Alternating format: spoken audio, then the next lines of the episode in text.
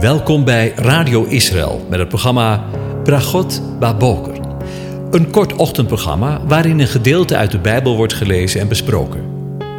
Met Bragot Baboker wensen onze luisteraars zegeningen in de ochtend. Presentator is Kees van de Vlist. Goedemorgen, Bokatov, beste luisteraars.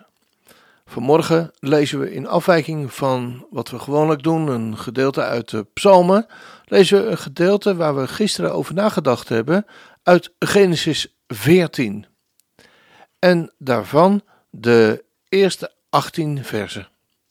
Ik lees ze aan je voor.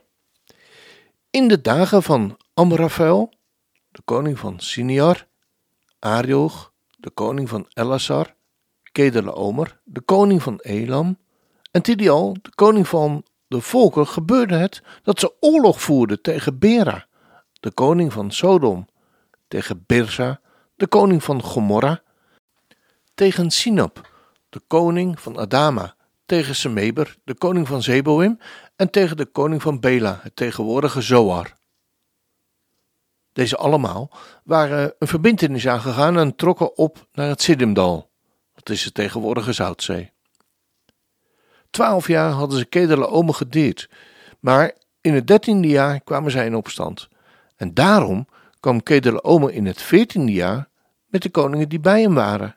En zij versloegen de Refaïten in Astaroth Karnaim en de Suzieten in Ham en de Emieten in Sheva Kiriataim en de Horieten in het land Seir, tot aan El Paran, dat aan de woestijn grenst. Daarna keerden ze terug en kwamen in En-Mispad, het tegenwoordige Kadis. En zij versloegen alle in het hele gebied van de Amalekieten en ook de Amorieten, die in Hazazon Tamar woonden. Toen trok de koning van Sodom, Sodom ten strijde met de koning van Gomorra en de koning van Adama, de koning van Zeboim en de koning van Bela, het tegenwoordige Zoar. En ze stelden zich op voor de strijd tegen hen in het Siddimdal. Tegen Kedele de koning van Elam, Tidial, de koning van de volken, Amrafel, de koning van Sinior, en Arioch, de koning van Elasar. Vier koningen tegen vijf. Het Siddimdal nu was vol asfaltputten. De koningen van Sodom en Gomorra vluchtten en vielen daarin. En de overgebleven vluchten naar het bergland. Ze namen al de bezittingen van Sodom en Gomorra en al hun voedsel mee en trokken weg. Ook namen ze Lot, de zoon van Abrahams broer, en zijn bezittingen mee en trokken weg. En hij woonde namelijk in Sodom. Toen kwam er iemand die ontkomen was en vertelde het aan Abraham de Hebreeër, die woonde bij de eiken van de Amoriet Mamre, de broer van Eskol en Aner. Ze waren bondgenoten van Abraham. Toen Abraham hoorde dat zijn broeder als gevangene weggevoerd was, bewapende hij zijn geoefende mannen die in zijn huis geboren waren. 318 man. En hij achtervolgde hen tot aan Dan. Hij verdeelde zich s'nachts tegen hen in groepen, hij en zijn manschappen, en versloeg hen. En hij achtervolgde hen aan Hoa, dat links van Damascus ligt. En hij bracht alle bezittingen terug, en ook zijn broer Lot, en zijn bezittingen bracht hij terug, evenals de vrouwen en het volk. Toen trok de koning van Sodom hem tegemoet, nadat hij teruggekeerd was van het verslaan van Kedera Omer en de koningen die bij hem waren, naar het dal Sjave, dat is tegenwoordig het koningsdal. En Melchizedek, de koning van Salem, bracht brood en wijn. Hij was een priester van God, de Allerhoogste. Ja, in de voorgaande uitzending kwamen we aan de hand van Psalm 97, waarin we vers 9 gelazen, over het feit dat de eeuwige de Allerhoogste genoemd was, wordt terecht bij de eerste keer dat de eeuwige in de Bijbel met deze titel wordt genoemd. In Genesis 14, vers 18, het zojuist gelezen gedeelte, daar lezen we over de veldtocht van Abraham tegen de koningen, de Elohim, zoals er in het Hebreeuws staat, van Sodom en Gomorra. En we kwamen er net achter dat de naam Abraham de geschiedenis heeft, de, of de betekenis heeft, moet ik zeggen, van verheven vader. We zagen al dat het hier dus niet zomaar om een strijd gaat, maar om een strijd die de verheven vader strijdt met de koningen, de Elohim, de tegenstanders, de magistraten van de verheven vader. En dan komt de strijd van Abraham tegen de koningen ineens in een totaal ander daglicht te staan. Dan is het niet alleen meer een historische gebeurtenis uit een ver, ver verleden, maar is het ineens ook heel actueel, ook in 2021. Eerst even de context. Er ontstaat grote onrust in Canaan. Twaalf jaar lang hebben de koningen van Sodom, Gomorra, Adabos en Seboim en Bela de machthebber Kedele Omer gediend. Maar dan, dan komen ze in opstand, waarna in het veertiende jaar de strijd losbreekt. Kedele Omer komt ook in actie en trekt met vier koningen naar Canaan om de opstandelingen te onderwerpen. En in het eerste vers vinden we de namen van de vier koningen die zich achter Kedele Omer scharen. De naam van de eerste koning is Amraphel.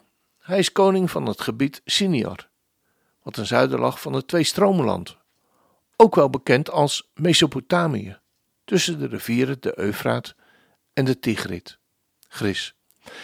Dit gebied komen we later ook tegen onder de naam Babel. Bijvoorbeeld in Genesis 10, vers 10, Genesis 11, vers 2 en Daniel 1, vers 2. Amraphel betekent één die van duistere dingen spreekt. Zijn naam komt overeen met de vele duistere godsdiensten en cultussen die uit Babel zijn voortgekomen.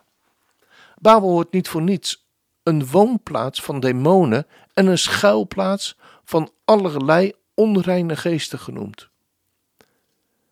Zoals we dat lezen in Openbaringen 18, vers 2. Daarmee is de toon van deze strijd gezet. En blijkbaar niet uitsluitend een verhaal uit de oude geschiedenisboeken te zijn, maar blijkt hier sprake te zijn van een strijd met een diepere geestelijke en profetische boodschap, met een hoge mate van actualiteit in de tijd waarin wij leven. Immers, Abraham, de verheven vader, voert in deze geschiedenis oorlog met Amraphel, één die duistere dingen spreekt. In deze geschiedenis ontdekken we een patroon, waarvan we eveneens lezen in een zekere zin dezelfde strijd die we lezen in het, openbaar, in het boek Openbaringen. Genesis, Bereshit, vertelt ons dus al over de eindstrijd. Hij heeft dus ook vandaag ons iets te vertellen. Dan de tweede koning. De tweede koning waar de tekst over spreekt is Arioch, de koning van Elassar. Arioch, dat is een Sumerische naam. En volgens Daniel 2, vers 14 betekent het de dienaar van de maangod. Arioch wordt in Daniel 2 de persoonlijke lijfwacht van koning Nebukadnezar genoemd. En als we weten dat de naam Nebukadnezar mogen Nebo, de kroon, beschermen, dan moeten we weten dat Nebo profeet betekent. Dus dan lezen we eigenlijk dat Arioch de persoonlijke lijfwacht is van de gekroonde profeet. Wel te verstaan als de persoonlijke valse profeet. Zo zien we dus dat achter en tussen aanhalingstekens een gewoon veldverslag in het woord van God zich een oorlog ontvouwt in de geestelijke gewessen. Arioch was de koning van Elassar, lezen we verder in de tekst. Elassar was een belangrijke stad in het antieke Babylonië, de plaats van verering van de zonnegod Shamash. Shamash is een Semitische benaming voor zon. Het zal duidelijk zijn dat hij niet bij de zon van de gerechtigheid, zoals we de eeuwige kennen, wordt bedoeld, maar zijn tegenstander, de maangod. Hij die in zichzelf geen enkel licht heeft, maar uitsluitend duisternis. Dan, als laatste, staan we stil bij Kedele Omer. De naam Kedele Omer kan vertaald worden met een handvol schoven. De betekenis doet ons denken aan de droom van Jozef, waarover de schoven die voor hem bogen. We lezen daarvan in Genesis 37, vers 7. Kedele Omer wilde dat iedereen in de toenmalige wereld voor hem boog. Daarmee is een type van de mens van wetteloosheid de zoon van het verderf, ofwel Satan zelf, die in menselijke gedaante op het wereldtoneel zal verschijnen, zoals we lezen in 2 Thessalonicense 2 vers 3 en 4. We komen hem ook tegen in Openbaringen 13. De eerste tien versen. Het eerste beest uit de zee dat jaagt naar wereldheerschappij.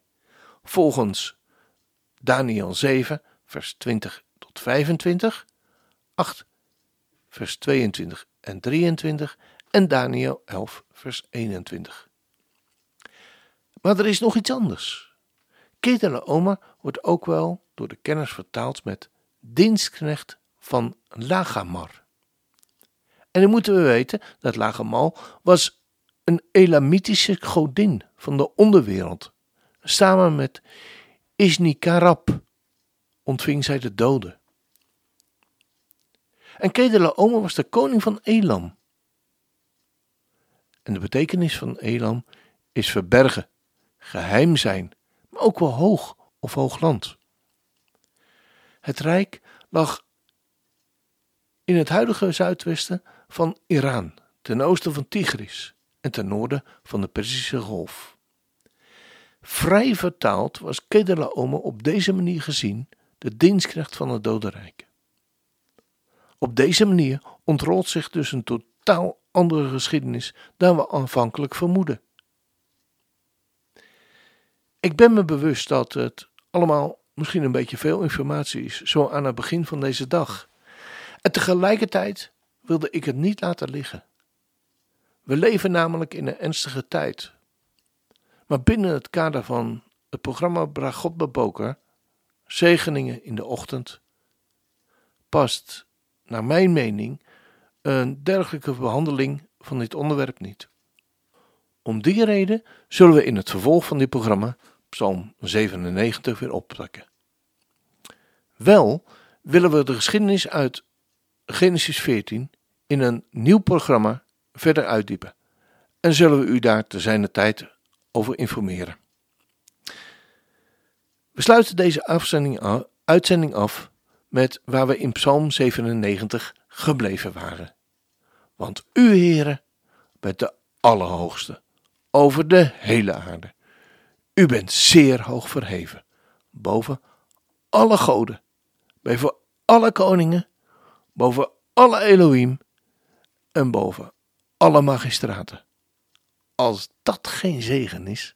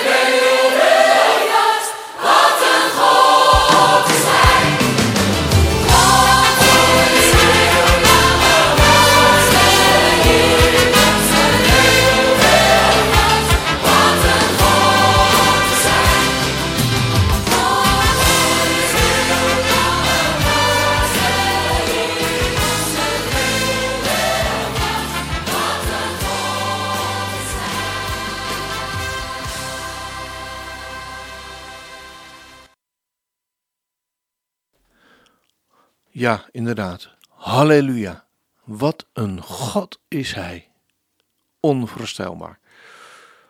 Dan zijn we hiermee weer aan het einde van deze uitzending gekomen en wens ik je God zegen toe. De Heer zegen en hij behoorde je. De Heer doet zijn aangezicht over je lichten en zij genadig. De Heer verheft zijn aangezicht over je en geeft je zijn vrede, zijn shalom. Amen.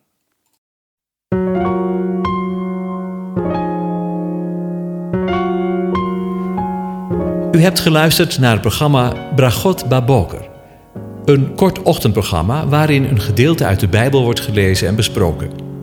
Wilt u het programma nog eens naluisteren, dan kan dat. Ga naar radioisrael.nl en klik onder het kopje radio op Uitzending gemist.